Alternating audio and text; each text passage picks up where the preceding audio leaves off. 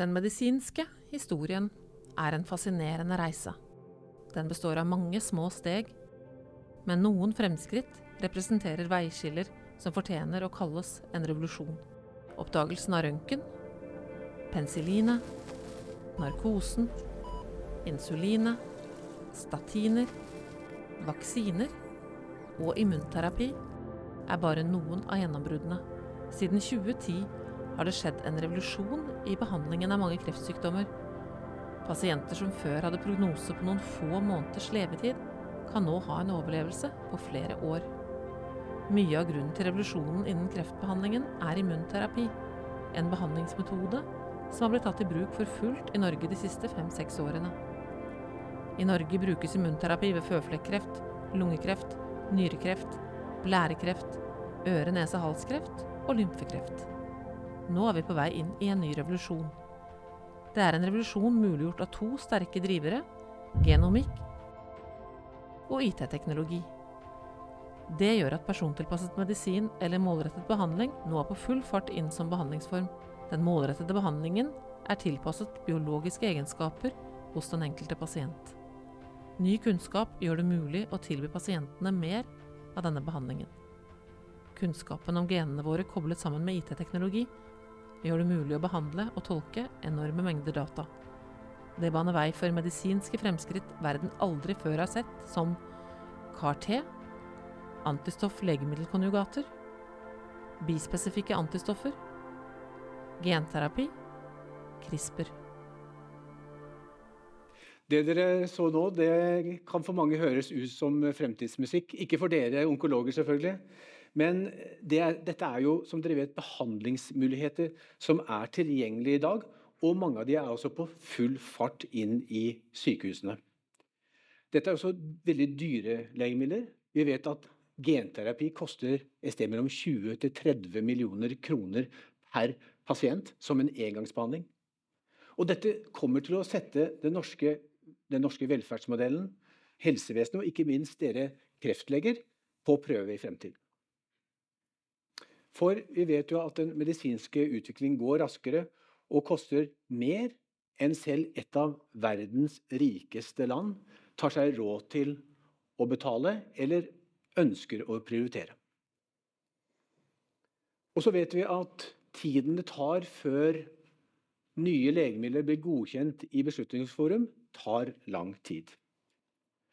Og når det finnes behandlingsmuligheter som kan ha god effekt, men som dere onkologer ikke får lov til å bruke, så kommer dere i en krevende og vanskelig situasjon. I et dilemma. Og Det er det vi skal diskutere i dag. Med oss for å gjøre det, det er statssekretær Carl Christian Bekeng. Styreleder i legemiddelindustrien og administrerende direktør i Novartis, Veronica Barabes styreleder i Kreftforening og mangeårig generalsekretær i Den norske legeforening, Geir Riise. Og Bård Christian Skjem, som er seniorrådgiver i Helse Vest, og som på kort tid har steppet inn for eh, lederen, eh, Inger Katrine Bryne, som dessverre ble syk. Men aller først vil jeg ønske velkommen til eh, onkolog Anne Turid Bjørnevik og hennes pasient, kreftoverlever Sigve Stenersen, og onkolog Petter Brandal.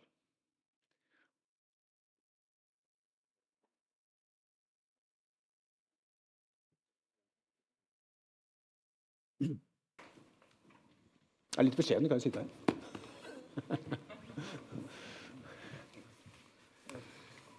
Hyggelig å se dere. Takk. Starte med deg, Anne Turid. Ja. Du er lymfomlege. Kan du bare fortelle oss hvordan du behandler pasientene dine, og hvilke sånn redskaper og, og, virkemidler du har til rådighet? Ja. Lymfom er jo eh, Det har jo en rekke undergrupper, da. Men hvis vi i dag snakker om eh, aggressive non-Hodgkin lymfom, så er hovedbehandlingen en kombinasjon av ulike cellegifter og antistoff.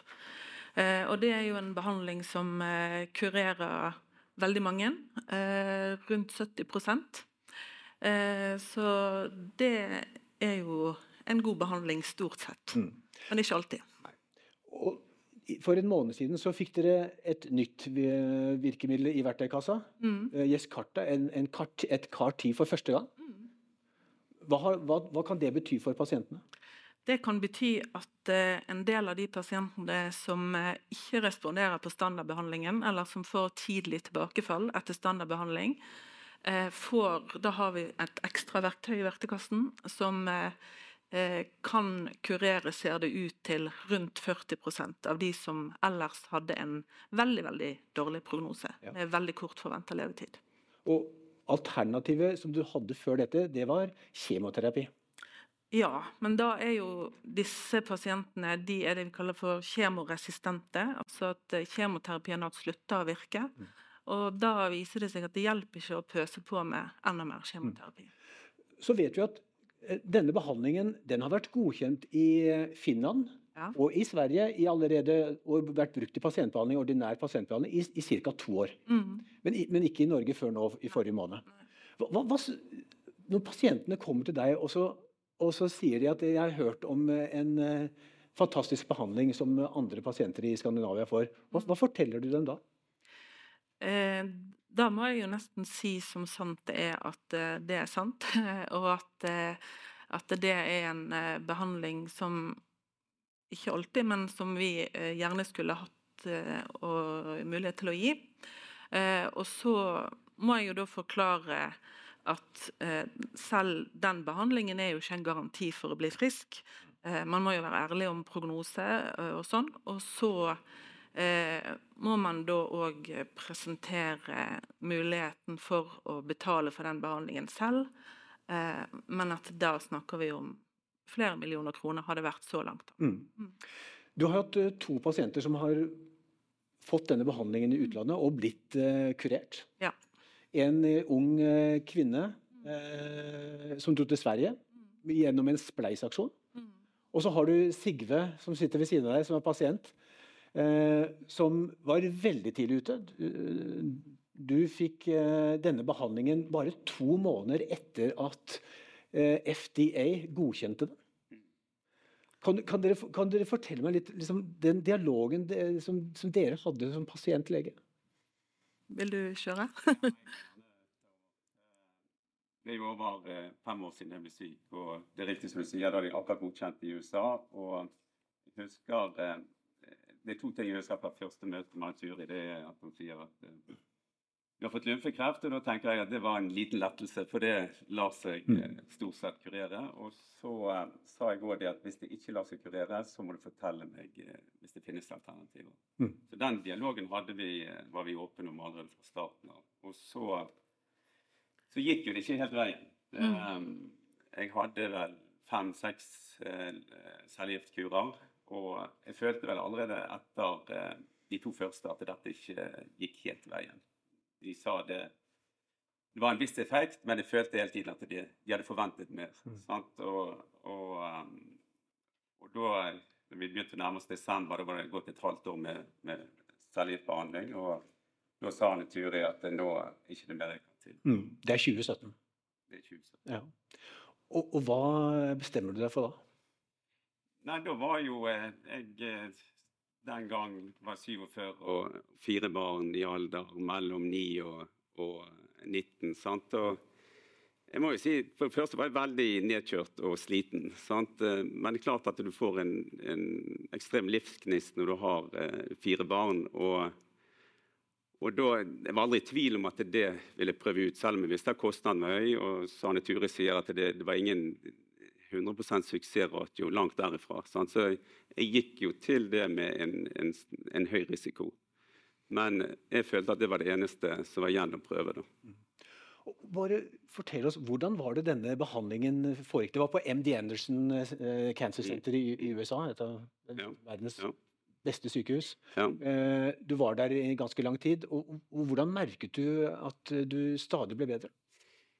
Nei, du merket det. Jeg var der to måneder. sant? Og først måtte jeg få en ekstra cellegiftkur for å roe det ned litt. Og så tar de ut disse T-cellene, og det tar tre uker. Så det var egentlig en lang prosess. Men eh, når jeg da fikk disse T-cellene tilbake, så, så, får du en kraftig reaksjon? Og, og med høy feber. Og, og, sånn sett er det litt bivirkninger. Men det jeg merket veldig godt, var jo den enorme effekten på, på ekstremt kort tid. Sant? De første 14 dagene ja, da var jeg vil jeg si var, var kraftig syk. da. Mm. Men etter det så gikk det bare én vei. Og, og, da når det var gått eh, De tok bilder etter tre uker etter at jeg hadde fått T-cellene tilbake. Og da husker jeg han, eh, han legen jeg snakket med, han, først han sier var 'gratulerer', og så viste han bildene fra å være ja, en gedigen svulst på jeg tror jeg, av 13 cm på det største i diameter. Eh, der var alt vekke. Og mm. Da var det gjort på, på tre uker. Mm. Og jeg var tilbake i jobb da tre uker seinere. Så kan si seks uker etter jeg fikk eh, T-cellen tilbake, så var jeg tilbake i full jobb. Fantastisk. Mm. Det, jeg, det må jeg nesten en, en, en veldig sterk historie. Eh, skulle ønske kanskje at enda flere pasienter hadde fått mulighet, men nå er, den, nå er sjansen der. Mm. mm. Det er bra. Det er veldig bra, ja. og det er vi takknemlige ja. for. Mm. Det er sent, men godt. Ja. Petter, Petter Brandal, eh, dette, Sigve, er jo en uh, suksesshistorie.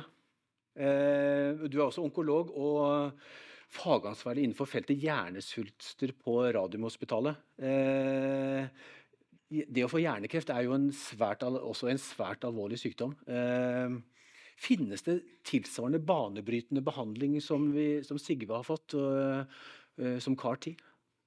Uh, vi skulle vel ønske at det fantes den type behandlinger. Først er det viktig å presisere at hjernesvulst er så mangt. Det mm. finnes det vi kan kalle for snille typer hjernesvulster. Som ikke trenger så mye annen behandling enn kirurgi og kanskje ingen behandling. Men, men de som er mest aggressive, glioblastom, vi har hørt om det i Impress Norway tidligere i dag der er det, der er det veldig begrensa levetid. Og, mm. og vi, har, eh, vi har, et, eh, en, en, ny behandlingsform som vi ikke får tilby. Eh, det har vi. Men den er jo likevel på et helt annet nivå enn, det som Sigve og Arne Ture Og hva er det? Det er noe alternerende elektriske felter der man bruker vekselstrøm for å mm. forstyrre mitosen mm. til kreftcellene, og derved stå, ikke stoppe, men i hvert fall stagnere veksten en periode. Mm. Mange av de har en, en, lav sannsynlighet for å bli kurert. Eh, men alle er jo på utkikk etter noe som kan gi deg, om ikke livet, så i hvert fall noen måneder. Og, og, og Hvordan er, opplever du dialogen med pasientene, og hva, hvilke, hva, kommer de med av mulige ideer til eh, behandlinger? Mm, det er veldig forskjellig. Eh, noen er som eh, Sigve og gir beskjed om at jeg vil vite Fins det et eller annet der ute som du ikke får lov til å gi meg? Ja, da vil vi vite om det. Mm. Da er det i og for seg greit. Da må du være helt uh, ærlig. Og, og, ærlighet tror jeg er viktig at vi, at vi kjører med uansett. Mm. Og uh, vi bør informere om de behandlingsmulighetene som finnes. Mm. Så forstår jeg at vi skal ha tunneler på Vestlandet, vi skal ha, vi skal ha helse, vi skal ha skole. Det, det, er mange ting vi skal ha. Mm. Så også onkologer forstår at vi faktisk må prioritere. Uh, så er det det her med hvor mye eh, skal det koste? Hvor mye skal, det, skal du vinne for den kostnaden? Um, og Det er litt vanskelig å sitte og ikke kunne tilby en sånn behandling. det er det. På den andre side så er det også sånn det er mange pasienter som kommer og sier at ja, men et eller annet må du jo gjøre. Mm. Immunterapi. Mm. Det så vi en flott uh, film uh, om her. Mm. Det, det, virker jo på alt. Ja. Og har, har, jo ingenting å tape. Mm. Så uh, var vi med og inkluderte Eh, pasienter i en større, en større studie som ble, ble, publisert nå i juni. og Den viser faktisk at pasientene som fikk immunterapi, de gjorde det signifikant dårligere enn de som var i standardbehandlinga. Det er også noe vi må ha med oss. og Man er ikke glad for en studie som er negativ, men det man er glad for, er å kunne kommunisere at det vi skal gjøre, det må være en viss evidens bak det, sånn som det var her borte. Mm. Og så må vi prøve å være ærlige med pasientene når de kommer med spørsmål konkret. Prøver du da å måtte snakke pasienten bort fra, fra dette? Du kan jo, det er ikke indisert for, for eh, vedkommende kan ikke få immunterapi, for det ikke, er det ikke indikasjon for? Altså, å, å, snakke bort ifra øh, jo, jo, prøvde man kanskje å gjøre for, for noen år siden. Men, men, det er jo dette her med samvalg, og det er jo pasienten sjøl som må bestemme. så mm. vi, vi, har diskutert dette litt, Sigrid. Det å være helt åpen og ærlig og ha en dialog og Har man spørsmål om et eller annet konkret, så får vi gi vår vurdering av det. Og så var jo du også opptatt av at det skulle være en forankring i Ikke bare, ikke bare at Petter mener det, mm. men at uh, ja. Jeg tror det er eh, min beslutning i og med at uh, risikoen var når det er når det han er. Det, det er ingen 100 suksessratio. Det Sanne Ture sier kanskje 40-50% suksessratio og en kostbar eh, medisin. Sant? Så, så da var det viktig for meg at det var forankret eh, kanskje i et miljø. Sånn Typisk eh, Anne var jo eh, absolutt den viktigste i forhold til rådgivningen. Sant? Men hun hadde sine diskusjoner i Oslo, eller kreftmiljøet i Oslo osv. Og, og den tryggheten for meg var helt avgjørende for mitt valg eh, med å reise til USA. Mm. Vi skal eh, ha opp nye gjester. Anne Turi, tusen takk for at du ville komme. En stor applaus til deg.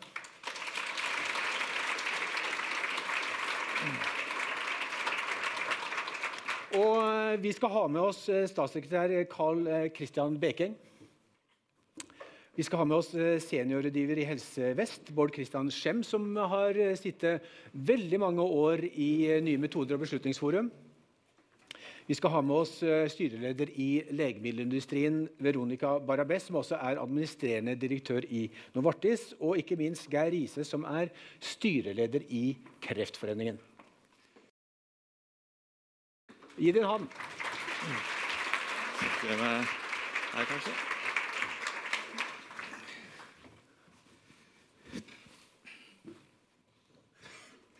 Okay, du bare tar, du tar fløyen, da. det er ikke sikkert. Det blir Venstre. Eller Arbeiderpartifløyen.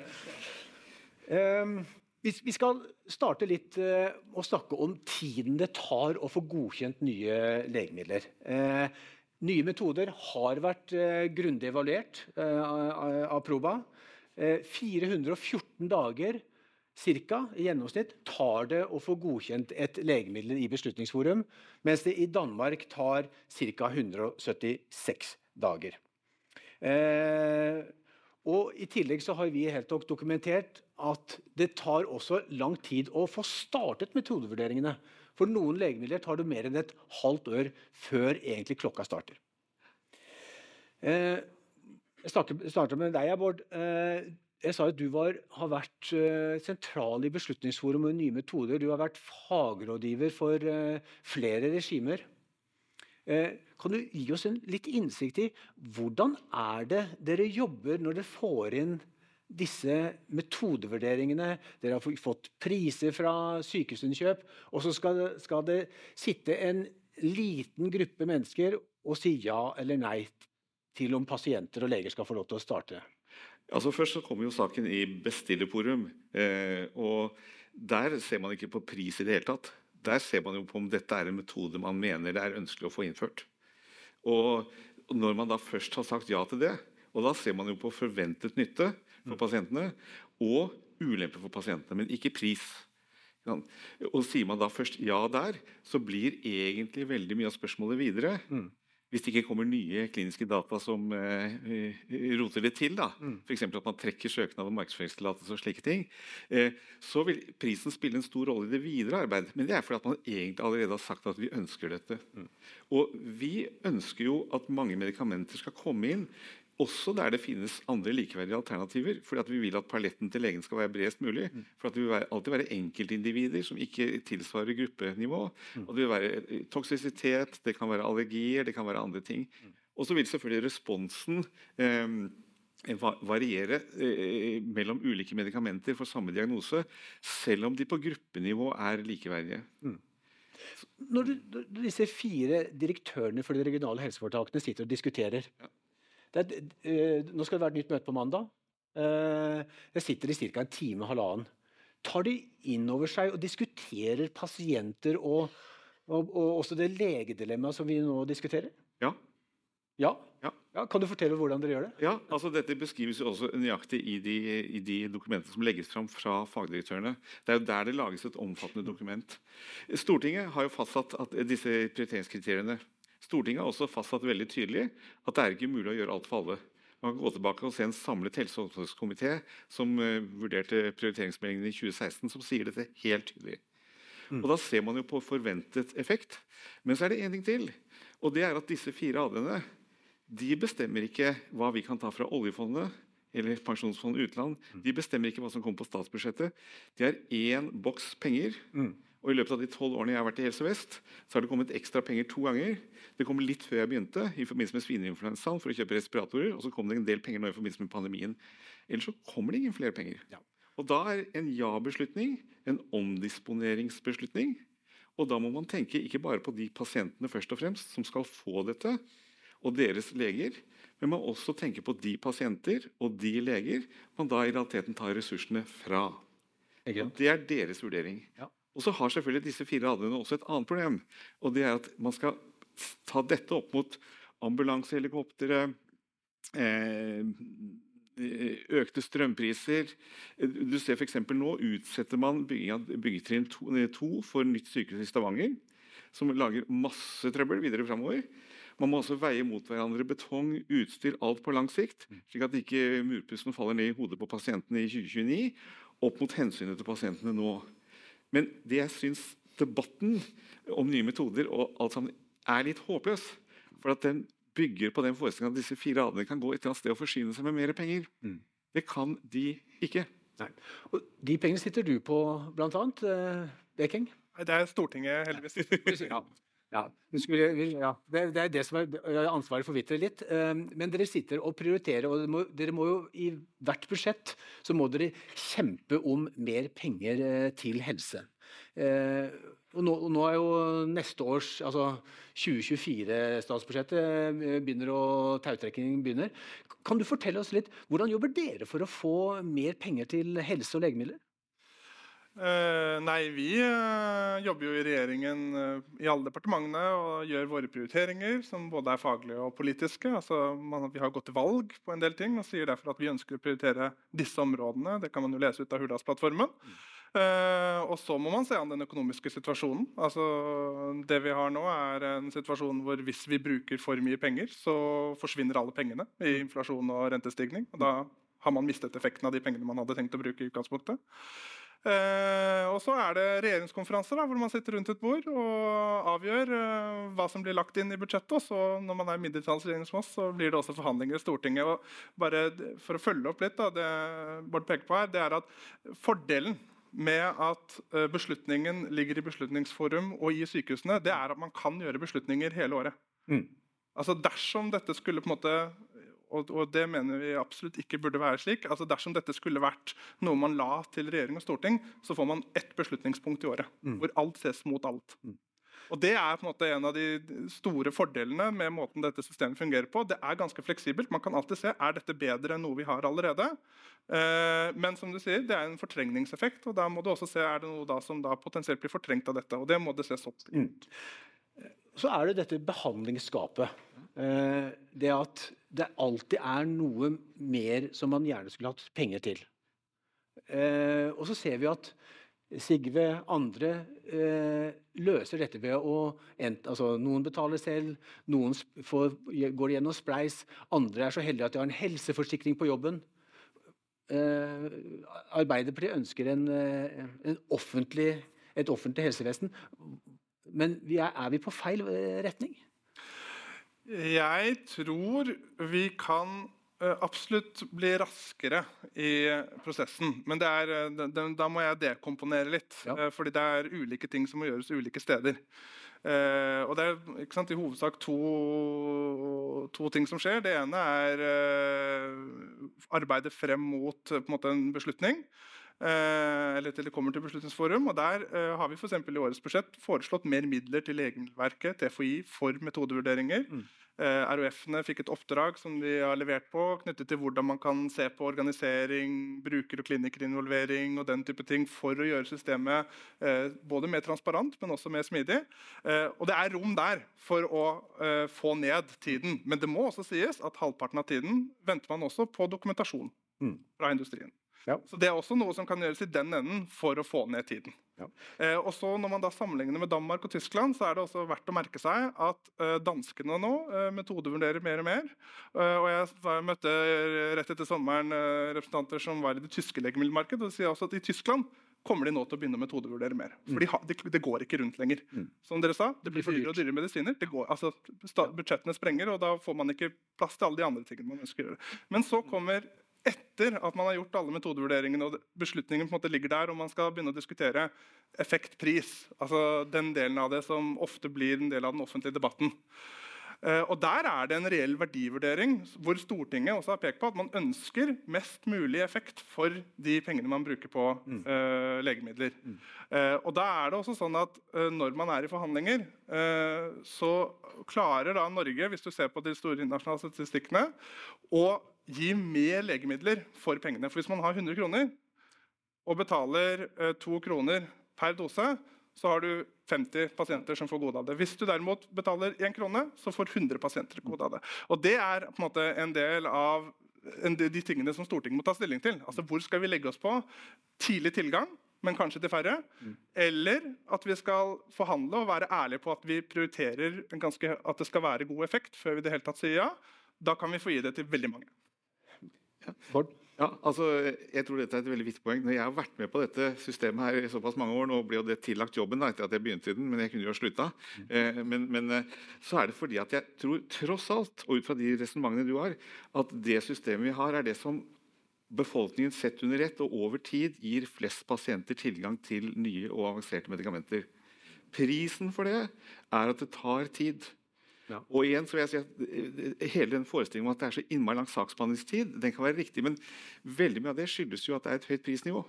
Sant? Altså selve det at det er eh, eh, og jeg har sett denne veien fra to sider. Jeg har sittet akkurat som Anne Berit her, vi har jo vært kolleger i sin tid, eh, eh, med lymfompasienter som progrederer, får residiv, stamcelletransplantasjon, eh, nytt residiv, og sett hvor smertefullt det er for dem, og smertefullt for meg som doktor. Det er på en måte individperspektivet. Det andre er å komme inn i et system der vi i vår region som de andre regionene, har litt over 30 000 kroner per innbygger for hele spesialisthelsetjenesten. Og vi i et livsløpsperspektiv per innbygger i Norge kan bruke mellom 2,5 og 3 millioner kroner per menneske. Mm. Vil økonomene komme inn og snakke om sånn nåverdi og diskontering, og sånn, men det, i grovt sett er det sånn. Det sier seg selv at Begynner da behandlingen å koste flere millioner, og begynner å bli 10, 15, 20 og 30 millioner, så betyr jo det faktisk at du får én eneste dose til én eneste pasient. Begynner å bruke hele det helsebudsjettet vi har for kanskje 6-8-10 mennesker i befolkningen. Mm. Det sier seg selv at det går ganske enkelt ikke. Veronica Barabes, du er sjef i Novartis. eh, og- dere har jo en del av de legemidlene som jeg nevnte innledningsvis, bl.a. denne genterapien Solgensma for eh, barn med spinal muskelatrofi. Listeprisen eh, det ble kalt verdens dyreste legemiddel. Listeprisen er 25-30 millioner kroner, litt avhengig av valuta, svingende valutakurser. Er det en, eh, en rettferdig pris? Først vil jeg si at det kanskje ikke eh, er verdens dyreste, men jeg vil påstå at det er verdens beste medisin.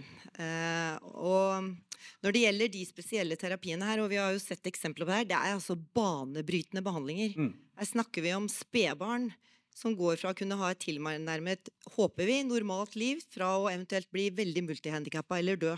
Det er alternativet. Eh, og så må jeg bare minne om at jeg er helt enig i at vi skal prioritere. Og det, er, det høres dyrt ut med så mange millioner, men av helsebudsjettet så står legemidler for 6 Um, og det har det stått ganske stabilt over mange år, selv med innføring av ny og bedre behandling. Mm. Og så er det sånn at, at et legemiddelfirma som Novartis ikke dikterer noe pris til norske myndigheter. Vi er så heldige faktisk i Norge at vi har en ganske lang og grundig prosess. Og når vi snakker om tid, jeg tror alle er enige nå, eh, til og med Beslutningsforum har sagt at det tar for lang tid. Og det er ikke Beslutningsforum nødvendigvis eh, hvor all tiden ligger. For vi begynner veldig tidlig hos SLV. Og det er mange beslutningstakere vi skal gjennom på veien, og vi har allerede identifisert um, steder hvor vi kan gjøre det bedre. Mm. Men vi må bare huske på at det er en nøye evaluering i Norge nettopp for å vite om vi får verdi for pengene. Og det gjøres eh, via SLV en helseøkonomisk analyse. Så vi er ganske he- heldige sånn. Men vi har da medikamenter som, som du nevnte, er potensielt en engangsbehandling, men som eh, kan redde liv. Eh, og da har vi et system som ikke klarer å ta det inn. fordi at i Norge, så langt i hvert fall, nå har vi fått muligheter, eh, andre muligheter, er at vi må vise til randomiserte dobbeltblindede studier i fase 3. Og da når du har en medisin som blir så raskt godkjent av myndighet, myndighetene i Europa, nettopp fordi at effekten er så god, så er det jo synd at vi da ikke har et system. Men da vil jeg bare forte meg legge til at jeg er veldig stolt at på Solgensma så har vi nettopp fått i en avtale som er mer moderne. Det vil altså si at de barna som ikke får effekt, de betaler ikke sykehuset for. Og i dag så betaler sykehuset for alle pasienter uavhengig av effekt Mm. på andre medisiner. Vi har kommet tilbake til det. Geir Riise, eh, er, eh, jeg har bare lyst til å følge opp med, med liksom hvor mye vi bruker på legemidler og helse i Norge. Bruker vi for lite, mener du, på, på, på legemidler, og da spesielt kreftlegemidler? Ja, altså Jeg tror vi alle er enige om at man må prioritere. Men nå sitter vi og snakker som om eh, kaka er konstant, Mm. og at det ikke går an å lage denne kaka litt grann større. Jeg har bare lyst til å minne om, og det er det for så vidt ingen uenige om, uenighet om, at hvis vi sammenligner hva Norge bruker målt i forhold til brutto nasjonalprodukt, ja, så, så ligger vi eh, sånn i nedre halvdel av det som man kan sammenligne med andre OECD-land. Eh, og Det gjelder også i forhold til det å ta i bruk, eh, bruk eh, nye, nye medisiner. Vi kommer sent på banen. Vi gjør våre egne kost-nytte-effekter, selv om dette er vurdert til å være kost-nytte-effektivt i forhold til livskvalitet og i forhold til overlevelse i, i andre land. Slik at, og, og dette skaper jo et stort problem. Jeg syns det er riktig å adressere eh, Onkologisk forum som er her i dag. Eh, Jeg har jobbet 12 15 år i Legeforeningen. Jeg har hatt masse samtaler opp gjennom årene med leger som er fortvilet. Fortvilet fordi de opplever at de kommer i en pressituasjon mellom hva man opplever man kunne ha gitt, og hva man får lov til å gi. Mm.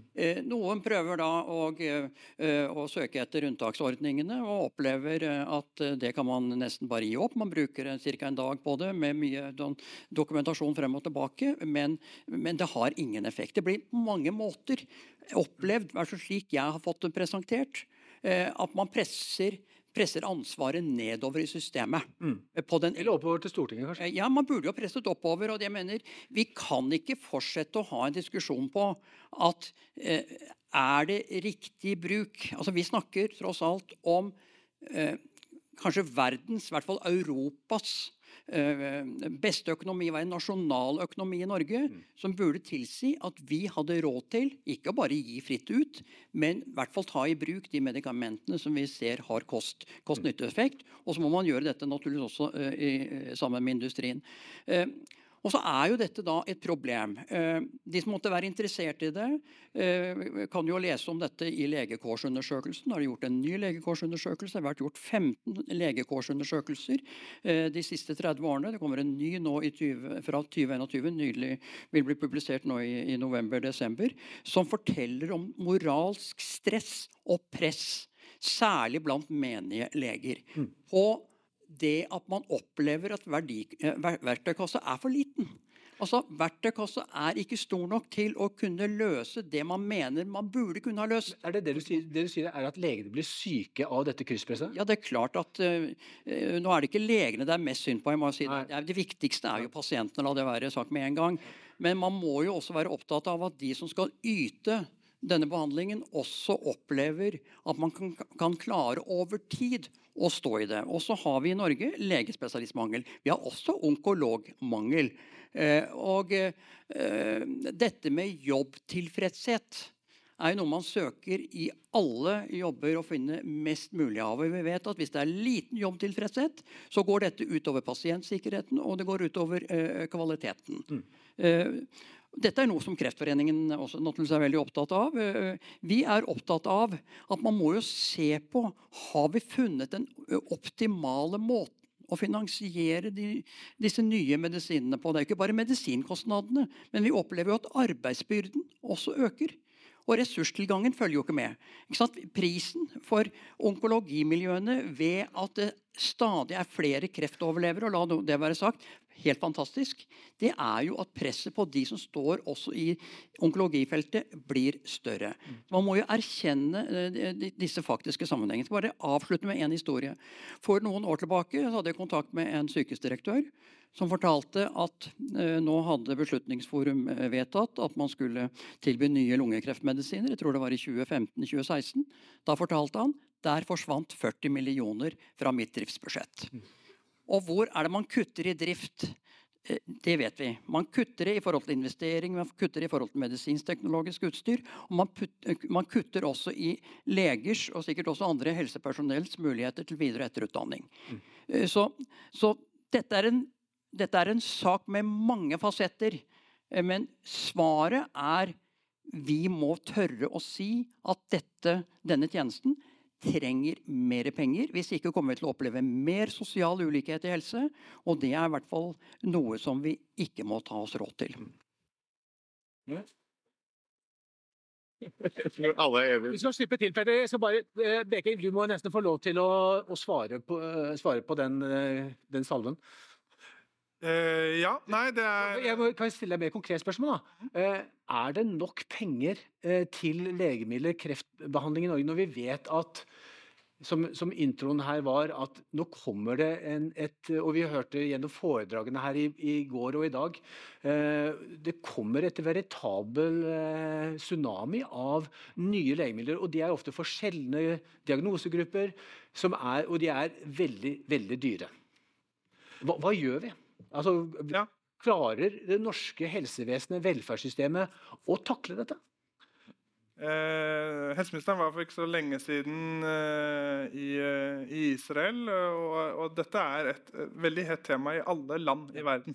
Altså Alle land i verden ser at kostnadene til nye medisiner og nye behandlinger kommer med all sannsynlighet til å overstige det de enkelte nasjonale budsjetter klarer å dekke, uavhengig av hva slags ordning man har.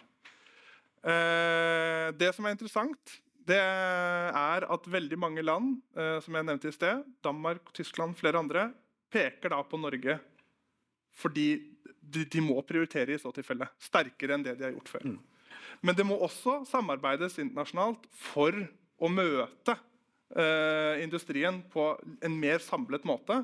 Rett og slett fordi vi, vi må ha en diskusjon om risikofordeling i så tilfelle. Og det er altså, bare strakt fram et veldig godt eksempel. Altså, det, det går an å diskutere eh, hva er det vi innfører nå. Fordi når vi diskuterer de harde prioriteringsdebattene, så er det en, en, en kjent og gitt effekt.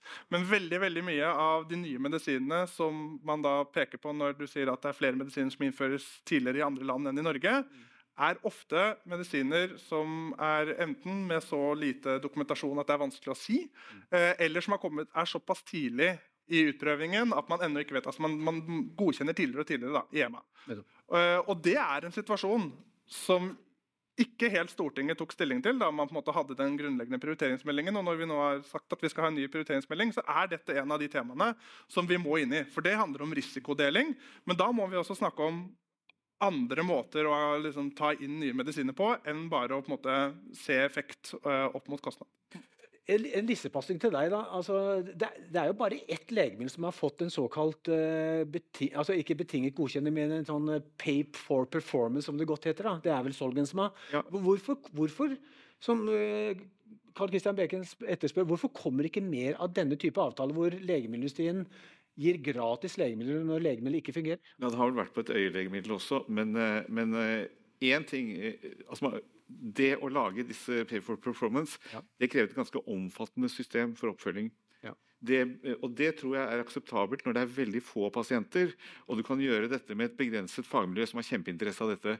Jeg tror at Hvis denne forsamlingen her blir møtt med at vi nå for mer hverdagsbehandling skal begynne å innføre masse rapporteringsordninger for at vi skal ha pay for performance for pasientene, så tar ingen her bølgen. Eh, og så er spørsmålet skal vi da lage IT-systemer og prioritere det for denne type betalingsordninger. Det står en uendelighet av IT-prosjekter. Men man måler vel effekten av eh, altså Når, når- en, en, en pasient med SMA eller kreft kommer til legen, så måler man vel effekten? Ja. Og, dette, Det er ikke noe nytt. Nei, men, men, men, altså, det, men dette kan du fint gjøre på de små gruppene, Ja. på entusiastiske fagmiljøer. Ja. Men du kan ikke begynne å bredde dette ut. Du kommer til å bruke masse tid og krefter. Men kan jeg få si én Ja, nå er, nå er Petter brent der i eh, Ja, ja, han er kanskje best. Jeg, jeg, altså, jeg synes på en måte at man må skille mellom hvem bestemmer hva. Stortinget bestemmer hvilken budsjettramme vi får. Det er ikke noe mer. Nei. Kan vi, kan vi være enige om det? Det er Stortinget som Vi må stemme riktig neste Jeg Vi er altså inderlig lei av at RHF-ene får kjeft for at man ikke har flere penger. Og, og de skal bestemme mellom forsvar, som sikkert skal få mer nå, og samferdsel og utdanning og forskning og jeg vet ikke hva. ikke sant? Bård, Bård, Og så Bård. bruker Det er bra, nå er det debatt. Nå er det debatt. Bård, Bård, Ja. Eh, eh, jeg er sunnmøring, så det forstår jeg. Eh, og så- altså, det, er- ikke sikkert vi alltid er enig i at det er for dårlig, nei, for dårlig dokumentasjon når ting ikke blir innført. Det, det kan man iallfall diskutere. Eh, jeg syns signaler om bruker- og eh, klinikerinvolvering som skal bli større nå, den, eh, det er veldig fine signaler, ikke minst fordi at eh, prosessene skal bli mer transparente. Og da tror jeg vi stoler mer på de vurderingene som, som faktisk eh, blir gjort. Så får vi som klinikere passe på at vi ikke adderer enda mer tid til, eh, til den altfor lange tida som det allerede er. Og så ønsker jeg meg hvis ikke det blir altfor komplisert, så hadde det vært veldig fint om vi kunne få til du nevnte det selv, internasjonalt samarbeid kanskje først og fremst Skandinavia og Norden. Hvis vi kunne klare å få til noe og Man kunne godt sett for seg, hvis vi samler inn strukturerte data mm, på en eh, måte som er automatisert, så kan vi gjøre fase fire-studier som vi kan koble opp til metodevurderingene. Så det tenker jeg er en naturlig vei å gå videre. Ja. Geir Riise, du har bedt om ordet. Ja, nei, altså, bare for å følge opp litt. Grann, eh, vi, vi, har individuell behandling. Det er faktisk også nedfelt i pasientrettighetsloven. Uh, vi skal ha individuelle vurderinger. Samtidig så er jo alle beslutninger i forhold til Eh, hvilke medisiner som man kan gi, det tas jo på gruppenivå. Jeg mener, det, er, det er jo en, en altså, Så vi må på en måte liksom eh, se hvordan kan vi gjøre dette på en annen og, og bedre måte. Det andre er jo at vi kunne jo f.eks. si at vi i hvert fall ikke skal være senere enn hva som gjelder i andre europeiske land. Hva gjelder å innføre ny, nye medisiner som vi vet eh, har kost-nytte-effekt. Altså CAR-T som, som, som nå kommer. Vi var vel et av de siste landene i Europa som har, som har innført det. Så, så, det er noe med hva er det vi ønsker å, være, å bli husket for. Og jeg mener et land og jeg snakker om prioritering, men jeg snakker også om at vi har 13 000 milliarder kroner på bok. Hvilke andre land er det som har det? Hvis ikke vi kan være et fyrtårn hva gjelder å sikre at vi har en kreftbehandling i dette landet som sikrer sosial likhet. Som ikke blir slik at pasienter som har penger, kan få de medisinene de trenger, eller pasienter som kan reise til utlandet og betale for behandlingen selv, enten gjennom dugnad eller ved, altså ved, med pengemobilisering eller, eller selv.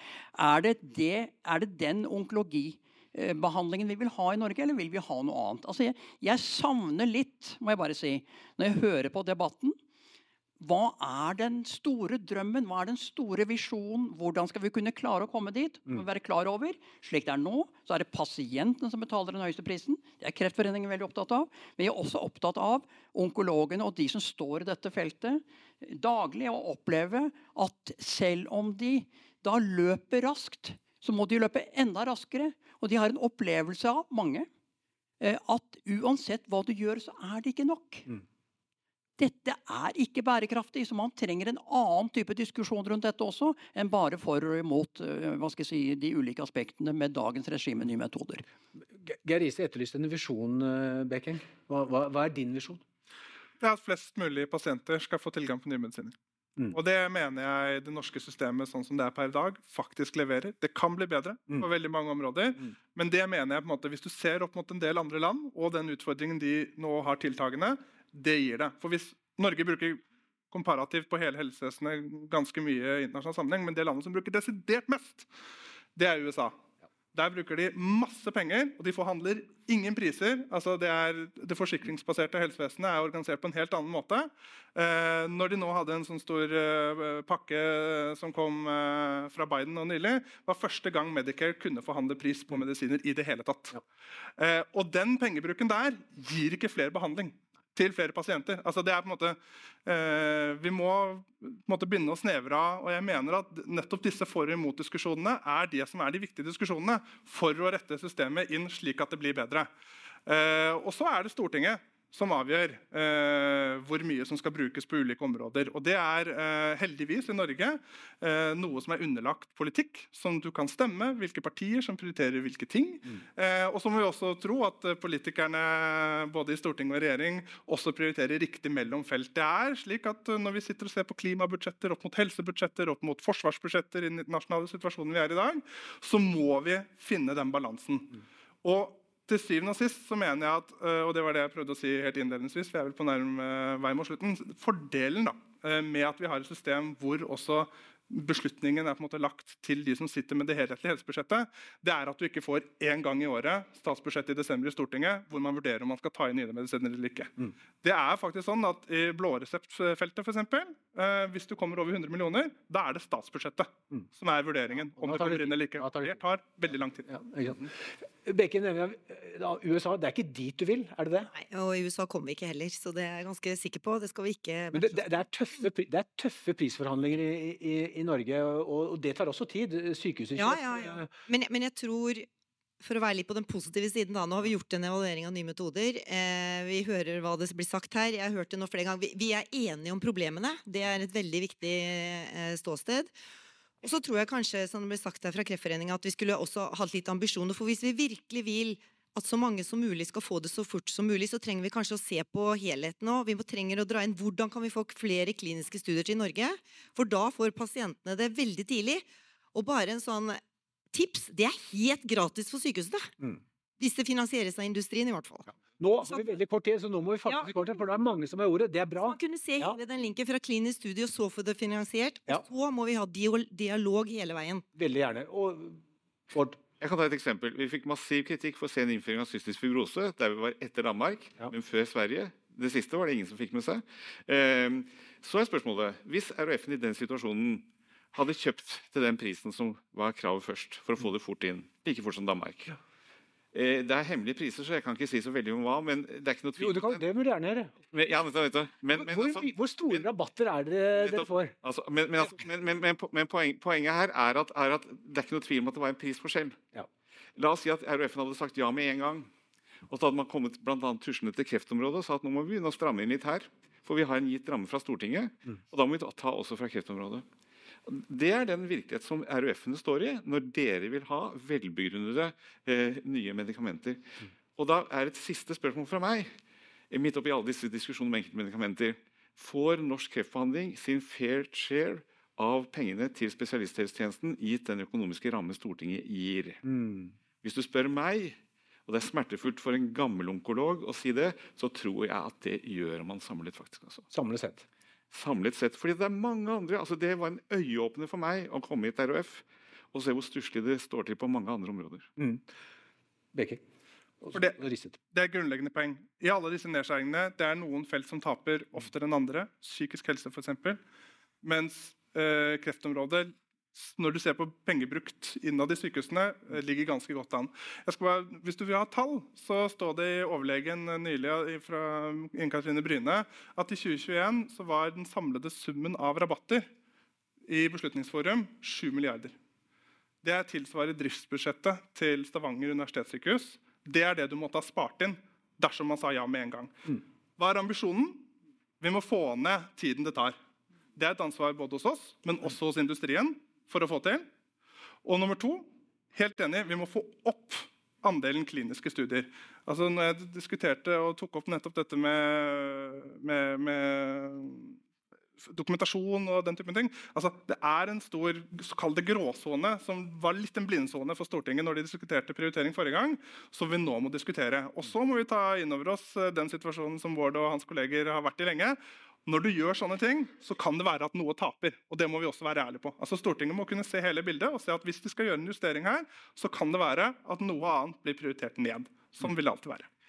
Geir Riise, alt står eh, flott til med kreftomsorgen i Norge. Det er der det går best, sier ja. Eh, du kan si at dette er, dette er jo et fagfelt Det er svært få andre fagfelt da, med samme ut raske utvikling rent medikamentelt og medisinsk som det det har på kreftfeltet. Så det er en veldig interessant diskusjon om, om kreftfeltet faktisk får, får, sin andel av kaka. det man i hvert fall ser når man snakker med onkologer, eh, det er jo at man opplever at arbeidsbyrden er stor og økende, og at den og den ressurstilgangen man har, ikke samsvarer med alt det som man opplever er nye oppgaver. Og Det er jo knyttet opp til alt det man har fått til på dette feltet. Så dette er en viktig diskusjon. Men det er også en veldig viktig diskusjon dette med, med klinikerinvolvering i, i, forhold til nye metoder, dette med å ha flere kliniske studier, det som Bekeng sier nå, at man skal få ned tiden. Ja, det, altså, det er jo også en start. ikke sant? Altså At vi i hvert fall ikke skal være noe sinke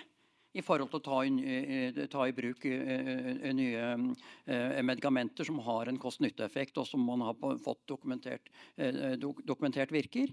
Men så er det jo, jeg vender tilbake til det jeg sa, ja, er det slik at denne diskusjonen i forhold til hva man skal bruke på helse, skal være en statisk diskusjon, når vi vet at vi bruker ca. 10,5% USA bruker 17-18% så det er ikke det jeg snakker om. Mm. 10,5 av bruttonasjonalprodukt på, på, på spesialisthelsetjenesten.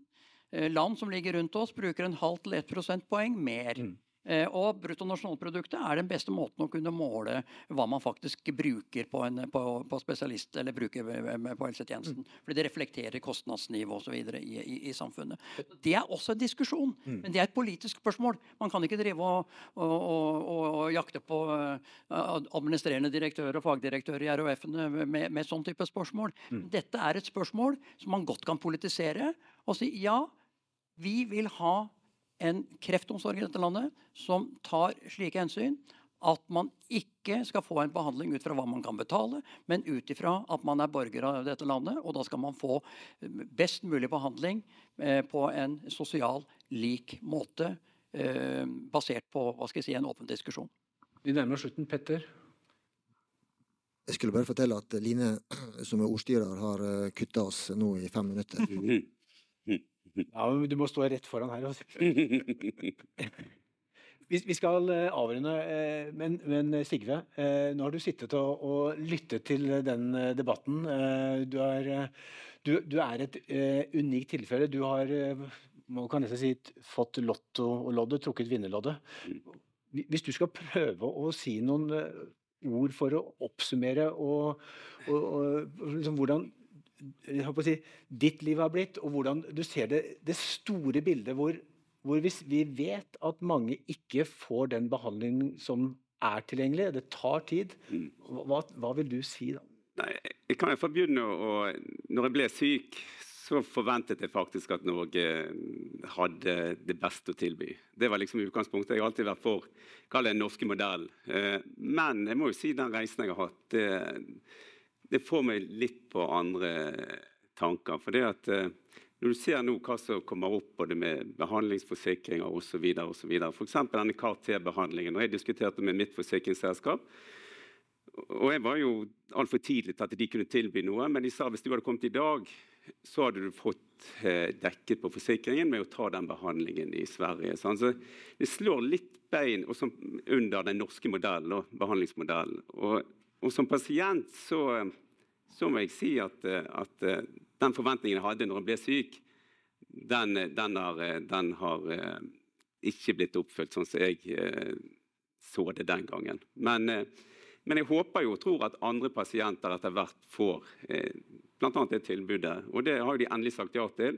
Men det, så jeg hører her, så er det mange andre typer medisiner som er sikkert like effektive som KT-behandlingen, som fortsatt ikke er godkjent. Så, så det er iallfall mitt ønske som pasient, at eh, en har raskere beslutning, og at en godtar flere typer medisiner. Vi lar det bli siste ordet, og jeg skal bare si en liten ting. Før vi avslutter, Jeg snakket med Alexander Fosso, som har vært en av fagekspertene til eh, Yescarta eh, og CAR-10-behandlingen. og Han sier at eh, de tre ekspertene som anbefalte Legemiddelverket å innføre dette for tre år siden, de så eh, etter to år så, så de at pasientene hadde kommet på en, eh, et platå som mest sannsynlig ville gjøre de til langtidsoverlevere. Det fikk de rett i, og nå er medisinen endelig innført. Tusen takk for at dere hørte på, og riktig god helg!